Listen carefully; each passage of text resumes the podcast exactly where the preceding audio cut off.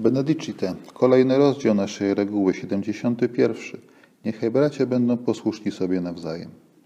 Ten rozdział jest klamrą spinającą y, poprzednie dwa, mówiące o tym, że należy wystrzegać się budowania wszelkich stronnictw i koterii, a mówiący o tym, że tym fundamentem wspólnego życia jest posłuszeństwo, czyli y, odpowiadanie sobie w duchu miłości na te potrzeby, które mamy, według możliwości, które zostały nam dane w duchu, który zachowuje jedność. Święty Benedykt mówi, że idziemy do Boga drogą posłuszeństwa, wzajemnego słuchania się, wzajemnej empatii, wzajemnego pomagania sobie w drodze, która prowadzi do nieba.